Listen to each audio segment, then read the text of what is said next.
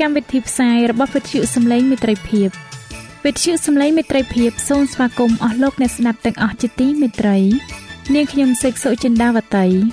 ហើយខ្ញុំបាទអង្ចាន់វិជ្ជៈក៏សូមស្វាគមន៍លោកអ្នកស្ដាប់ទាំងអស់ផងដែរនៅពេលនេះយើងខ្ញុំមានសេចក្តីសុំមនស្សរីករាយដោយបានវិលមកជួបអស់លោកអ្នកនាងកញ្ញាអ្នកស្ដាប់សាជាថ្មីម្ដងទៀត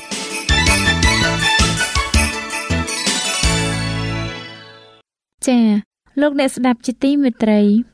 នាងខ្ញុំសូមគោរពអញ្ជើញអស់លោកលោកស្រីអ្នកនាងកញ្ញាតាមដានស្ដាប់កម្មវិធីផ្សាយរបស់វិទ្យុយើងខ្ញុំដូចតទៅ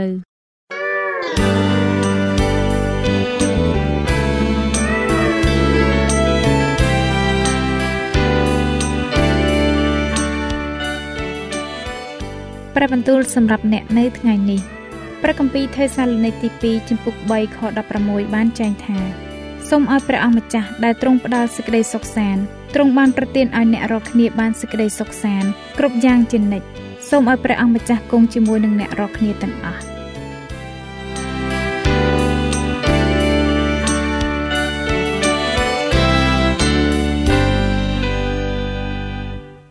បាទជាថ្មីម្ដងទៀតខ្ញុំបាទសូមជម្រាបសួរនិងស្វាគមន៍អស់លោកអ្នកទាំងអស់គ្នាមកកាន់នេតិសបាស្គូលប្រចាំសប្តាហ៍របស់យើងនៅពេលនេះ ហើយនេះគឺជាមេរៀនចុងក្រោយសម្រាប់ត្រីមាសនេះ ដែលមេរៀនរបស់យើង គឺមានចំណងជើងថា ចូលបន្តស្រឡាញ់គ្នាទៅវិញទៅមកប្រសិនបើលោកអ្នកចង់បានមេរៀននេះប្រើនៅលើទូរស័ព្ទដៃ Android លោកអ្នកអាចទាញយកបាន តាមរយៈ Play Store ដោយវាយពាក្យថាខ្មែរសបាស្គូលសម្រាប់មេរៀននៅសប្តាហ៍នេះយើងនឹងក្រឡេកមើលនៅចំណុចសំខាន់សំខាន់រួមទាំងសំណួរមួយចំនួនដូចតទៅ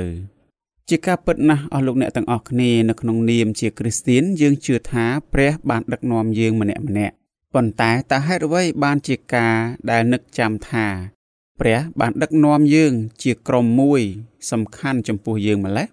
តើខ្ញុំគួរតែមានចំណែកអ្វីនៅក្នុងក្រុមនេះ ហើយតើខ្ញុំអាចរំពឹងចង់បានអ្វីពីក្រុមនេះដែរតើយើងអាចស្រឡាញ់គ្នាក្នុងនាមជាបងប្អូនដោយរបៀបណា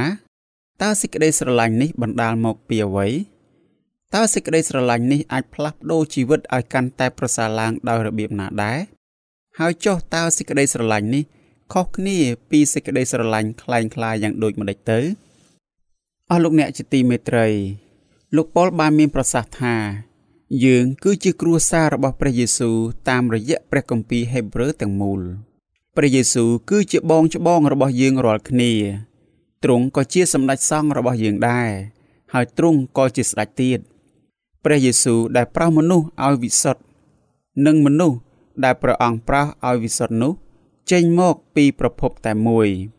ហេតុនេះហើយបានជាព្រះយេស៊ូវមិនខ្មាស់នឹងហៅគេថា ជាបងប្អូនរបស់ព្រះអង្គឡើយព្រះគម្ពីរហេព្រើរជំពូក2ខ11កិច្ចការរបស់ព្រះយេស៊ូវបានបង្ហាញយើងថាទ្រង់បានស្រឡាញ់យើងដូចជាបងប្រុសម្នាក់ដូច្នោះដែរដោយសារតែសេចក្តីស្រឡាញ់របស់ទ្រង់នេះហើយ បានជាយើងគួរតែស្រឡាញ់គ្នាទៅវិញទៅមកយើងក៏គួរតែធ្វើអ្វីដែលព្រះបានធ្វើសម្រាប់យើងនេះទៅកាន់គ្នាទៅវិញទៅមកផងដែរនេះហើយគឺជាមូលហេតុដែលធ្វើឲ្យលោកប៉ុលបានមានប្រសាសន៍ថាចូលឲ្យមានសេចក្តីស្រឡាញ់គ្នាជាបងប្អូនជានិច្ចព្រះគម្ពីរហេព្រើរជំពូក13ខ1តើយើងបានបង្ហាញសេចក្តីស្រឡាញ់នេះយ៉ាងដូចម្តេចដែរលោកប៉ុលបានប្រាប់យើងថា ចូលកំឡាចិត្តគ្នាទៅវិញទៅមកជារាល់ថ្ងៃវិញ ក្នុងកាលដែលនៅតែហៅថាថ្ងៃនេះនៅឡើយក្រែងអ្នករាល់គ្នាណាមួយមានចិត្តរឹងរូសដោយសេចក្តីបញ្ឆោតរបស់អំពើបាបព្រះគម្ពីរហេព្រើរជំពូក3ខ13ជំពូក10ខ24និងខ25ព្រមទាំងជំពូក12ខ15ដល់ខ17នៅក្នុងព្រះគម្ពីរហេព្រើរជំពូក13លោកប៉ុលបានប្រាប់យើងបន្ថែមទៀតអំពីសេចក្តីស្រឡាញ់នេះ។ នៅពេលដែលយើងបានស្រឡាញ់ដូចជាព្រះយេស៊ូវនោះ ទី1ជួយអ្នកដទៃដោយដែលមានចែងនៅក្នុងព្រះគម្ពីរហេព្រើរជំពូក13ខ2ចំណុចទី2យើងនឹងចោះសួរសុខទុក្ខដល់អ្នកជាប់គុក និងអ្នករងការឈឺចាប់ព្រះគម្ពីរហេព្រើរជំពូក13ខ3ទី3គ្មានចិត្តលោភលន់ព្រះគម្ពីរហេព្រើរជំពូក13ខ5ខ6ចំណុចទី4 យើងនឹងគោរពតាមពួកមេដឹកនាំរបស់យើងព្រះគម្ពីរហេព្រើរជំពូក13ខ7ដល់ខ17ហើយចុងបញ្ចប់លោកប៉ុលក៏បានសូមឲ្យអ្នកអានរបស់គាត់បង្ហាញសេចក្តីស្រឡាញ់របស់ពួកគេ តាមរយៈការអធិដ្ឋានសម្រាប់គាត់ផងដែរ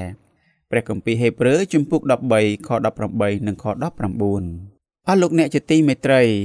លោកអ្នកក៏អាចសិក្សាបន្ថែមទៀតនៅក្នុងព្រះគម្ពីរហេព្រើរជំពូក13ខ1ខ2ព្រះគម្ពីររ៉ូមជំពូក12ខ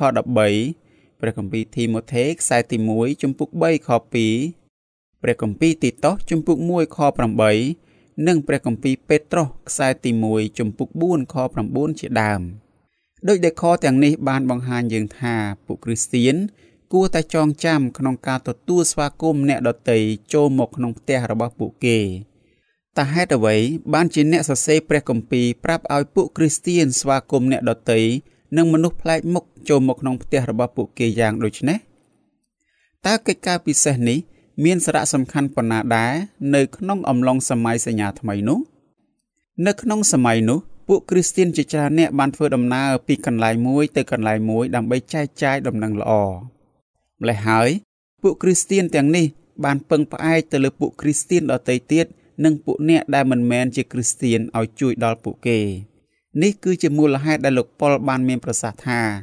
សូមកុំភ្លេចទទួលអ្នកដទៃយ៉ាងរាក់ទាក់ឡើយព្រះគម្ពីរហេព្រើរជំពូក13ខ2លោកប៉ុលក៏ចង់ឲ្យអ្នកអានរបស់គាត់ស្វាគមន៍អ្នកដែលប្លែកមុខផងដែរត្បិតមនុស្សខ្លះបានទទួលទាំងទេវតាឲ្យសំណាក់នៅឥតដឹងផង ព្រះគម្ពីរហេព្រើរជំពូក13ខ12ជាការពិតណាស់អស់លោកអ្នកទាំងអស់គ្នាជាទីមេត្រីលោកប៉ុលបានគិតដល់បរិះ3នាក់ដែលបានមកសួរសុខទុក្ខលោកអាប់រ៉ាហាំដោយដែលមានចែងនៅក្នុងព្រះគម្ពីរលោកុបាទជំពូក18ខ2ដល់ខ15តើយើងស្វាគមន៍អ្នកប្លែកមុខនិងអ្នកដតីចូលមកក្នុងផ្ទះរបស់យើងដោយរបៀបណា យើងបានចែករំលែកសម្ភារៈរបស់យើងជាមួយនឹងពួកគេ យើង ក៏បានប្រើសម្ភារៈរបស់យើងដើម្បីជួយដល់អ្នករងការឈឺចាប់ព្រះក៏បានធ្វើរឿងដូចនេះដែរនៅពេលដែលទ្រង់នៅមានប្រជញ្ញរស់នៅលើផែនដីនេះនៅឡើយព្រះគម្ពីរហេព្រើរជំពូក2ខ10ដល់ខ18ចុះចំណែកឯពួកអ្នកជាប់គុកវិញនោះតើយើងបង្ហាញសេចក្តីស្រឡាញ់ដល់ពួកគេដោយរបៀបណាអស់លោកអ្នកជាទីមេត្រីជាការពិតណាស់ពួកអ្នកជាប់គុកត្រូវការការអធិដ្ឋានរបស់យើង ប៉ុន្តែពួកគេក៏ត្រូវការគ្រប់គ្រងប៉ុន្តែពួកគេក៏ត្រូវការការគ្រប់គ្រងរបស់ពួកយើងដែរនៅពេលដែលយើងយកចិត្តទុកដាក់ចំពោះតម្រូវការរបស់ពួកគេនោះ យើងបានបង្ហាញពួកគេថា ពួកគេគឺជាផ្នែកមួយនៃគ្រួសាររបស់យើង នៅពេលដែលពួកគេរងការឈឺចាប់យើងក៏បានរងការឈឺចាប់ជាមួយនឹងពួកគេផងដែរនេះគឺជាអត្ថន័យដែលលោកប៉ុលចង់បង្ហាញ នៅពេលដែលគាត់បានមានប្រសាសន៍ថា យើងគួរតែចែករំលែកការឈឺចាប់របស់ពួកគេព្រះគម្ពីរហេព្រើរជំពូក10ខ32ដល់ខ34លោកប៉ុលក៏ចង់បង្ហាញដល់អ្នកអានរបស់គាត់ឲ្យនឹកចាំអំពីកាលដែលពួកគេនៅក្នុងគុកពីមុននោះដែរ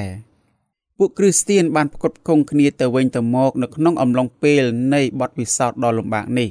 គឺថាបងប្អូនត្រូវគេប្រមាថមើលងាយធ្វើបាបនៅមុខប្រជុំជន និងពេលខ្លះទៀតបងប្អូនរួមទុកជាមួយអ្នកដែលត្រូវគេធ្វើបាបដែរព្រះគម្ពីរហេព្រើរជំពូក10ខ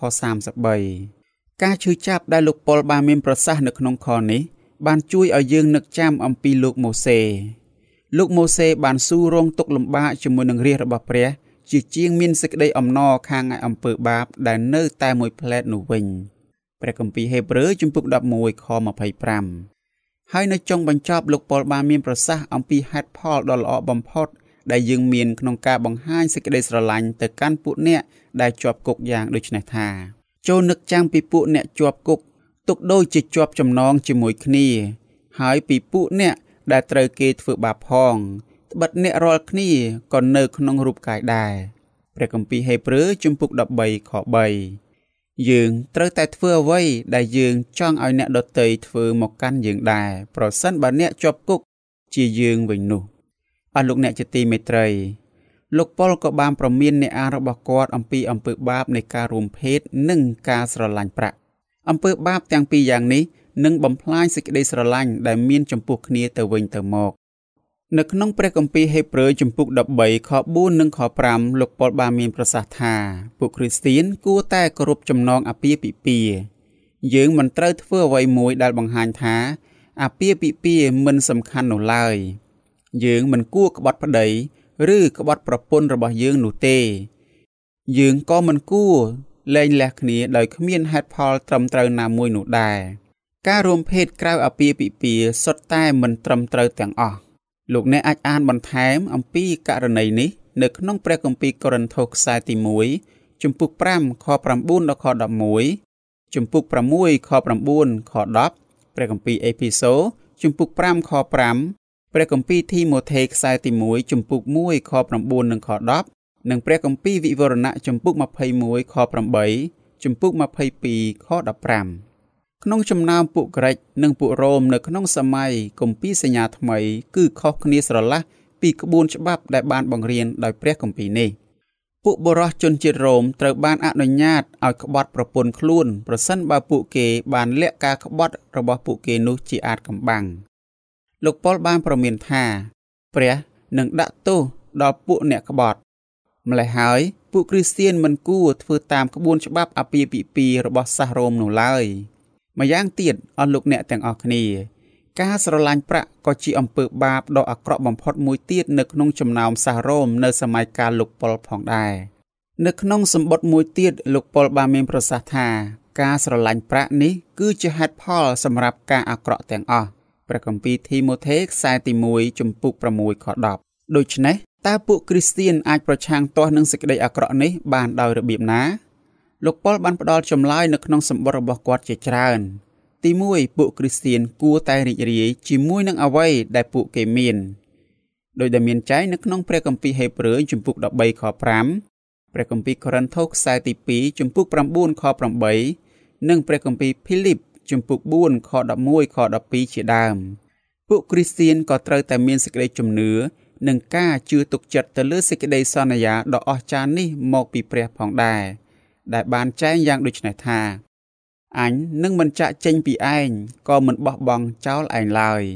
ព្រះគម្ពីរហេព្រើរជំពូក13ខ5ព្រះបានប្រទានសេចក្តីសន្យានេះដល់រាជរបស់ទ្រង់ជាច្រើនលើកជាច្រើនសារនៅក្នុងប្រវត្តិសាស្ត្រដែលមានចែងនៅក្នុងព្រះគម្ពីរលោកអ្នកអាចរកឃើញនៅក្នុងព្រះគម្ពីរលោកុបាតជំពូក28ខ15ព្រះគម្ពីរចោទយកថាជំពូក31ខ6ខ8 ព្រះគម្ពីរយូស្វេជំពូក1ខ5និងព្រះគម្ពីរកូរិនថូសខ្សែទី1ជំពូក28ខ20ជាដើមដល់សប្តាហ៍ថ្ងៃនេះព្រះក៏បានប្រទានសេចក្តីសន្យានេះដល់យើងដូចគ្នាផងដែរយើងត្រូវតែឆ្លើយតបទៅនឹងសេចក្តីសន្យានេះដោយពាក្យពេចន៍ចេញពីចម្រៀងមួយឃ្លាយ៉ាងដូចនេះថាព្រះយេហូវ៉ាទ្រង់កាន់ខាងខ្ញុំខ្ញុំនឹងមិនខ្លាចអ្វីឡើយតើមនុស្សអាចនឹងធ្វើអ្វីដល់ខ្ញុំបាន ព្រះគម្ពីរទំនុកដំកើងជំពូក118ខ6អ្នកសរសេរបទគម្ពីរទំនុកដំកើងជំពូក118បានបង្ហាញយើងអំពីទំនុកចិត្តរបស់គាត់ចំពោះព្រះ នៅពេលដែលអ្នកដតីបានធ្វើបាបគាត់ និងធ្វើឲ្យគាត់រងការឈឺចាប់យ៉ាងខ្លាំងអស់លោកអ្នកទាំងអស់គ្នាជាទីមេត្រី ក្នុងព្រះគម្ពីរហេព្រើរជំពូក13ខ7ដល់ខ17 លោកប៉ុលបានប្រាប់ឲ្យអ្នកអានរបស់គាត់គោរពនិងស្ដាប់តាមពួកមេដឹកនាំព្រះវិហារតាមតំបន់របស់ពួកគេលោកប៉ុលក៏បានអញ្ជើញអ្នកអានរបស់គាត់ឲ្យនឹកចាំអំពីពួកមេដឹកនាំរបស់ពួកគេកាលពីមុនផងដែរពួកមេដឹកនាំទាំងនេះបានអធិប្បាយសេចក្តីពិតនៃព្រះគម្ពីរទៅកាន់ពួកគ្រីស្ទៀនមុនគេបង្អស់ពួកគេទាំងនេះក៏បានចាប់ផ្ដើមព្រះវិហារនៅតាមតំបន់របស់ពួកគេមុនគេដែរម្ល៉េះហើយ បានជាលោកប៉ុលសូមឲ្យអ្នកអានរបស់គាត់នឹកចាំអំពីពួកគេប៉ុន្តែពាក្យនឹកចាំបានបង្ហាញយើងថា យើងត្រូវតែធ្វើច្រើនជាង គិតអំពីបទពិសោធន៍ល្អៗដែលយើងមានកាលពីមុន ជាមួយនឹងពួកគ្រូកងវិលរបស់យើងនោះទៅទៀតលោកប៉ុលបានពន្យល់ថា ពួកគេគួរតែនឹកចាំអំពីពួកមេដឹកនាំរបស់ពួកគេ ដោយការត្រាប់តាមសេចក្តីជំនឿរបស់ពួកគេ លោកប៉ុលបានជឿថា វិធីដ៏ល្អបំផុតដែលយើងអាចនឹកចាំអំពីនរណាម្នាក់នោះ គឺជាការត្រាប់តាមជីវិតរបស់គេម្នាក់នោះ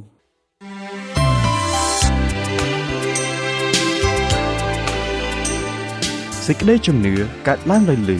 ហើយដែលលឺនោះគឺដោយសារព្រះបន្ទូលនៃព្រះ តាមរយៈវិទ្យុសំឡេងមិត្តភាព AWR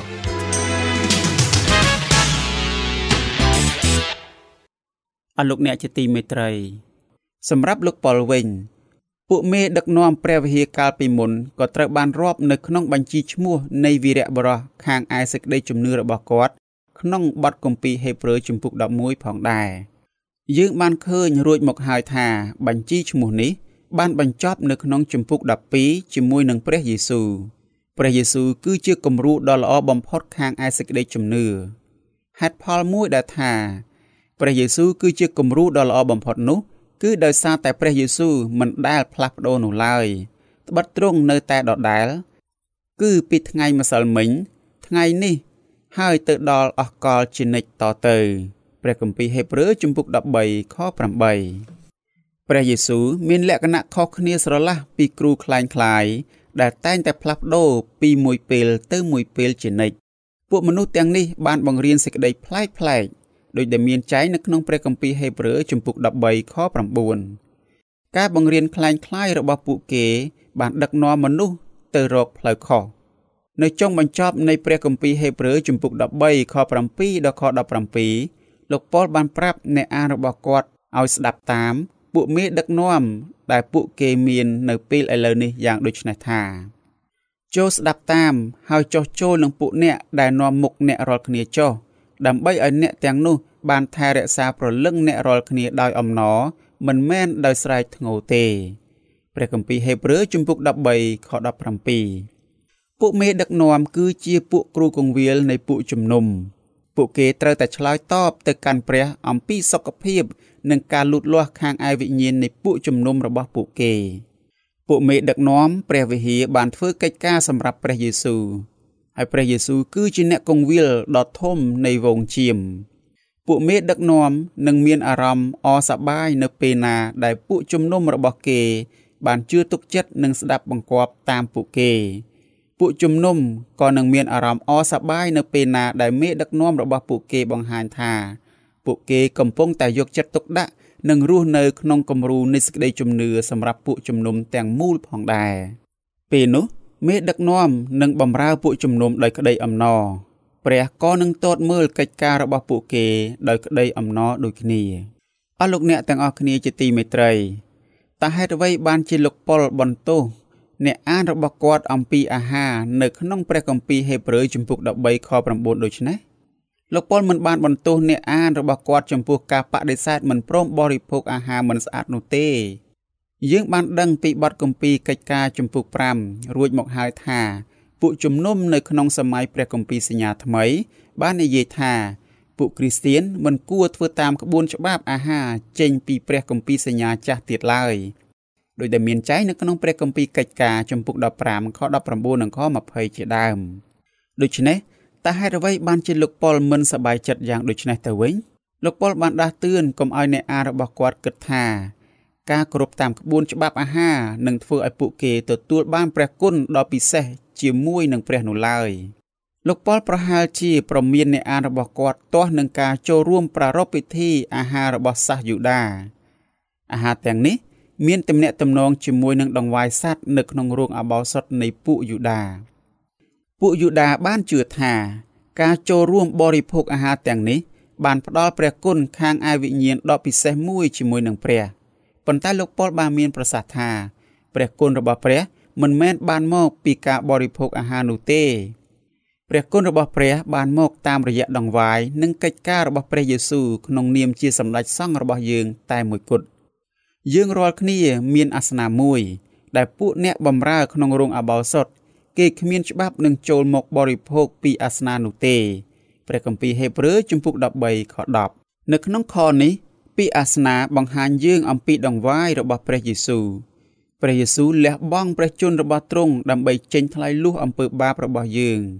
អាសនៈដែលព្រះយេស៊ូវបានសគត់នោះគឺនៅលើឈើឆ្កាងអាសនៈនេះបានផ្ដល់អាហារតែមួយគត់ដល់គ្រីស្ទៀនដើម្បីឲ្យពួកគេបានសង្គ្រោះអាហារនោះគឺជាព្រះយេស៊ូវដែលជានំប៉័ងនៃជីវិតនេះឯង ព្រះគម្ពីរយូហានជំពូក6ខ47ដល់58នៅក្នុងព្រះគម្ពីរហេព្រើរព្រះគុណរបស់ព្រះយេស៊ូវមានប្រភពមកពីបល្ល័ង្ករបស់ព្រះព្រះគម្ពីរហេព្រើរជំពូក4ខ16ព្រះយេស៊ូវបានប្រទានព្រះគុណនេះដល់យើងរាល់គ្នាព្រះគុណនេះក៏បានផ្ដល់សេចក្តីសង្ឃឹមដល់យើងដែរយើងបានឃើញរួចមកហើយថាសេចក្តីសង្ឃឹមនេះ ប្រៀបបីដូចជាយុទ្ធការនៃប្រលឹងដ៏ជាប់លាប់មមួននៃកប៉ាល់យ៉ាងដូចនោះដែរយុទ្ធការនេះបានផ្ដល់នូវអ្វីដែលតោងភ្ជាប់ នៅពេលដែលចិត្តរបស់យើងត្រូវបានពង្រឹងតាមរយៈការតោងភ្ជាប់ទៅនឹងសេចក្តីសង្ឃឹមនេះយើងនឹងមិនត្រូវបានដឹកនាំទៅក្នុងផ្លូវខុសដោយការបង្រៀនផ្លែកៗនោះឡើយព្រះគម្ពីរហេព្រើរជំពូក13ខ9ពេលនោះយើងនឹងមិនរសាត់ ចេញពីផ្លូវនៃសេចក្តីពិតឡើយព្រះគម្ពីរហេព្រើរជំពូក2ខ1លោកអ្នកអាចសិក្សានិងធ្វើការប្រៀបធៀបអំពីព្រះគម្ពីរមួយចំនួនដូចតទៅព្រះគម្ពីរហេព្រើរជំពូក13ខ10ដល់ខ14ព្រះគម្ពីរម៉ាកុសជំពូក8ខ34ម៉ាថាយជំពូក10ខ38លូកាជំពូក14ខ27និងព្រះគម្ពីរកាឡាទីជំពូក2ខ20ជាដើម លោកប៉ុលបានមានប្រសាសន៍អំពីការចូលទៅឯព្រះយេស៊ូវនៅខាងក្រៅជំរំតើរូបស័ព្ទនេះបានបង្ហាញយើងយ៉ាងដូចម្តេចដែរកន្លែងពីខាងក្រៅរបង គឺជាផ្នែកមួយដ៏អាក្រក់នៃជំរំសាសអ៊ីស្រាអែលទាំងមូល កន្លែងនេះក៏ខ្វក់ជាទីបំផុតឆ្អឹងនៃដង្វាយសัตว์ត្រូវបានដុតនៅខាងក្រៅជំរំព្រះគម្ពីរហេព្រើរជំពូក14ខ12ពួកមនុស្សខ្លង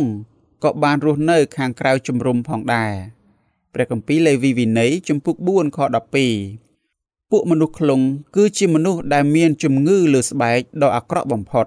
ពួកអ៊ីស្រាអែលបានសម្លាប់ពួកអក្រិតជននៅខាងក្រៅជំរំ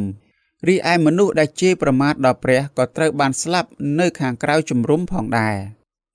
លោកអ្នកអាចអានបន្ថែមតាក់ទងជាមួយនឹងករណីនេះនៅក្នុងព្រះគម្ពីរលេវីវិន័យជំពូក24ខ10ដល់ខ16 ខ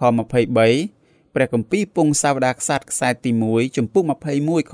13និងព្រះគម្ពីរកិច្ចការចំពុក7ខ58ក្បួនច្បាប់នៅក្នុងខទាំងនេះអាចជួយឲ្យយើងមើលឃើញថា ព្រះបានសន្ធិដ្ឋនៅខាងក្នុងជំរំព្រះមិនចង់ឲ្យមាន របស់មិនស្អាតនៅខាងក្នុងជំរំឡើយដោយដែលមានចែងនៅក្នុងព្រះគម្ពីរជនកណនីជំពូក5ខ3 និងចោទយកថាជំពូក23ខ14ដូច្នេះពួកយូដាត្រូវចោលរបស់មិនស្អាតនៅខាងក្រៅជំរំវិញព្រះយេស៊ូវបានសគត់នៅលើឈើឆ្កាងខាងក្រៅទីក្រុងយេរូសាឡឹមព្រះគម្ពីរយូហានជំពូក19ខ17ដល់ខ20កន្លែងនៃការសគត់របស់ទ្រង់បានបង្ហាញអំពីការអាម៉ាស់ដែលព្រះយេស៊ូវបានទទួលនៅពេលដែលទ្រង់ត្រូវគេដំភ្ជាប់ទៅនឹងឈើឆ្កាងព្រះគម្ពីរហេព្រើរជំពូក12ខ2 ពួកយូដាបាននិយាយថាព្រះយេស៊ូវគួរតែស្លាប់ដោយសារតែទ្រង់បានប្រមាថព្រះនាមរបស់ព្រះដូច្នេះពួកយូដាបានបដិសេធព្រះយេស៊ូវពួកគេបានបង្ខំឲ្យលោកពីឡាត់ឆ្កាងព្រះយេស៊ូវនៅខាងក្រៅកំផែងទីក្រុង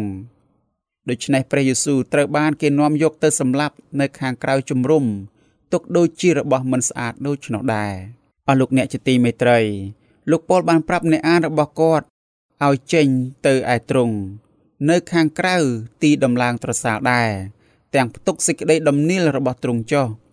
ព្រះគម្ពីរហេព្រើរជំពូក13ខ13និងជំពូក12ខ2ដំបូងមានមកពីលោកប៉ុលនៅត្រង់នេះបង្ហាញយើងថាឥឡូវនេះ ព្រះកំពុងតែនៅឯណា គឺថាទ្រង់កំពុងតែនៅខាងក្រៅជំរំនៅពេលដែលយើងចូលទៅឯព្រះយេស៊ូវនៅខាងក្រៅជំរំនោះបញ្ជាក់ថា យើងបានអនុវត្តលើសពីការទទួលយកសេចក្តីអាម៉ាស់របស់ទ្រង់ទៅទៀតយើងក៏បានចូលរួមជាមួយនឹងទ្រង់ផងដែរព្រះគម្ពីរហេព្រើរជំពូក13ខ13រឿងអំពីគោមាសនៅក្នុងព្រះគម្ពីរនិខាម៉ានាំងជំពូក32និងជំពូក33អាចជួយឲ្យយើងយល់អំពីគោលគំនិតនេះកាន់តែប្រសើរឡើងពួកអ៊ីស្រាអែលបានបដិសេធព្រះ នៅពេលដែលពួកគេបានធ្វើបាបទាស់នឹងព្រះតាមរយៈគោមាសនោះ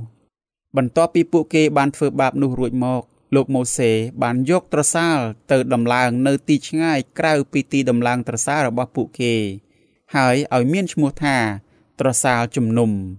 ឯអស់អ្នកណាដែលរកព្រះយេហូវ៉ាគេក៏ចេញទៅឯត្រសាលជំនុំដែលនៅខាងក្រៅទីដំឡើងត្រសាលនោះព្រះគម្ពីរនិខាម៉ានាំងជំពូក33ខ7ទន្ទឹមនឹងគ្នានេះ លោកប៉ុលបានអញ្ជើញពួកគ្រីស្ទៀនឲ្យចូលទៅឯព្រះយេស៊ូវនៅឯទីជំរំនោះដែរព្រះយេស៊ូវនឹងដឹកនាំរាជរបស់ទ្រង់ចេញពីទីក្រុងដ៏ហួតហែងទៅរកក្រុងដែលនឹងមាននៅពេលខាងមុខវិញអស់លោកអ្នកជាទីមេត្រីតាមរយៈសិភៅកិច្ចការនៃពួកសាវកអ្នកស្រី Ellen G. White បានលើកឡើងថាព្រះបានចាក់ព្រះវិញ្ញាណបរិសុទ្ធរបស់ទ្រង់មកលើពួកជំនុំរបស់ទ្រង់ពួកសិស្សរបស់ព្រះយេស៊ូវបានមានអារម្មណ៍ជិតស្និទ្ធនឹងគ្នា ពួកគេបានយកចិត្តទុកដាក់និងធ្វើល្អចំពោះគ្នាទៅវិញទៅមក ពួកគេបានយកព្រះ ជាអតិភិបនៅក្នុងជីវិតរបស់ពួកគេ ពួកគេសុខចិត្តលះបង់អ្វីអ្វីគ្រប់យ៉ាងសម្រាប់សេចក្តីពិតនៃព្រះគម្ពីរពួកគេបានបង្ហាញសេចក្តីស្រឡាញ់ចំពោះគ្នាទៅវិញទៅមកជាប្រចាំតាមដែលព្រះយេស៊ូវបានបង្គាប់ពួកគេមកពួកគេបានខិតខំបង្ហាញសេចក្តីស្រឡាញ់នេះទៅកាន់មនុស្សដទៃតាមរយៈពាក្យសម្ដី និងទង្វើរបស់ពួកគេផងដែរពួកសិស្សរបស់ព្រះយេស៊ូវចង់ឲ្យមនុស្សគ្រប់គ្នាបានស្គាល់ព្រះអង្គនិងទទួលយកសេចក្តីស្រឡាញ់របស់ទ្រង់ប៉ុន្តែអ្វីអ្វីបានផ្លាស់ប្ដូរបន្តិចម្ដងបន្តិចម្ដង ពួកគ្រីស្ទានបានចាប់ផ្ដើមក្រឡេកមើលកំហុសគ្នាទៅវិញទៅមក ពួកគេបានក្រឡេកមើលកំហុសដែលពួកគ្រីស្ទានដទៃទៀតបានសាងឡើង ពួកគេបាននិយាយសម្ដីអាក្រក់និងគំរោះគំរើយទៅកាន់គ្នាទៅវិញទៅមក ពួកគេបានភ្លេចអំពីព្រះអង្គសង្គ្រោះនិងសេចក្តីស្រឡាញ់របស់ទ្រង់បន្ទាប់មកពួកសិស្សរបស់ទ្រង់បានចាប់ផ្ដើមដើរតាមក្បួនច្បាប់នៃសាសនាដ៏តឹងរ៉ឹងពួកគេបានខ្វល់ខ្វាយអំពីគោលគំនិតរបស់ពួកគេជាជាងបង្ហាញសេចក្តីជំនឿដ៏ពិតពួកគេមានចិត្តអន្ទះសារក្នុងការស្វែងរកកំហុសរបស់អ្នកដទៃប៉ុន្តែពួកគេមិនបានពិនិត្យពិច័យមើលកំហុសរបស់ខ្លួនឯងនោះទេ ពួកគេបានឈប់រាប់អានគ្នាជាបងប្អូននៅក្នុងព្រះយេស៊ូវទៀតហើយពួកគ្រីស្ទៀនមិនបានដឹងថាពួកគេបានបាត់បង់ព្រះយេស៊ូវនិងសេចក្តីស្រឡាញ់របស់ទ្រង់នោះទេពួកគេបានបដិសេធសេចក្តីស្រឡាញ់របស់ព្រះចេញពីចិត្តរបស់ពួកគេពួកគេមើលមិនឃើញថា ពួកគេកំពុងតែបាត់បង់សេចក្តីសុខនិងសេចក្តីអំណរនោះឡើយមិនយូរប៉ុន្មានជីវិតរបស់ពួកគេនឹងคลายទៅជាងងឹតសូន្យសុងទៅ លោកយូហានបានឃើញហេតុការណ៍ដែលកំពុងតែកើតឡើងនៅក្នុងពួកជំនុំហេតុដូច្នេះហើយបានជាលោកបានលើកទឹកចិត្តដល់ពួកគេថា ពួកគេត្រូវការសេចក្តីស្រឡាញ់របស់ព្រះយេស៊ូវគ្រប់ពេលវេលាទាំងអស់សម្បត្តិរបស់លោកយូហានបានសរសេរមកកាន់ពួកជំនុំ ដែលពោពេញទៅដោយគោលគំនិតនេះ លោកបានសរសេរថា ពួកស្ងួនភ្ងាអើយយើងត្រូវស្រឡាញ់គ្នាទៅវិញទៅមកត្បិតសេចក្តីស្រឡាញ់គឺមកពីព្រះ ឯអស់អ្នកណាដែលមានសេចក្តីស្រឡាញ់នោះឈ្មោះថាមកពីព្រះ ហើយក៏ស្គាល់ទ្រង់ដែរតែអ្នកណាដែលគ្មានសេចក្តីស្រឡាញ់នោះមិនស្គាល់ព្រះវិញ ពីព្រោះព្រះទ្រង់ជាសេចក្តីស្រឡាញ់នោះឯងសេចក្តីស្រឡាញ់របស់ព្រះ បានសម្ដែងមកឲ្យយើងខ្ញុំស្គាល់ដោយទ្រង់ចាត់ព្រះរាជបុត្រាទ្រង់តែមួយឲ្យមកក្នុងលោកីដើម្បីឲ្យយើងរាល់គ្នាបានរស់ដោយសារទ្រង់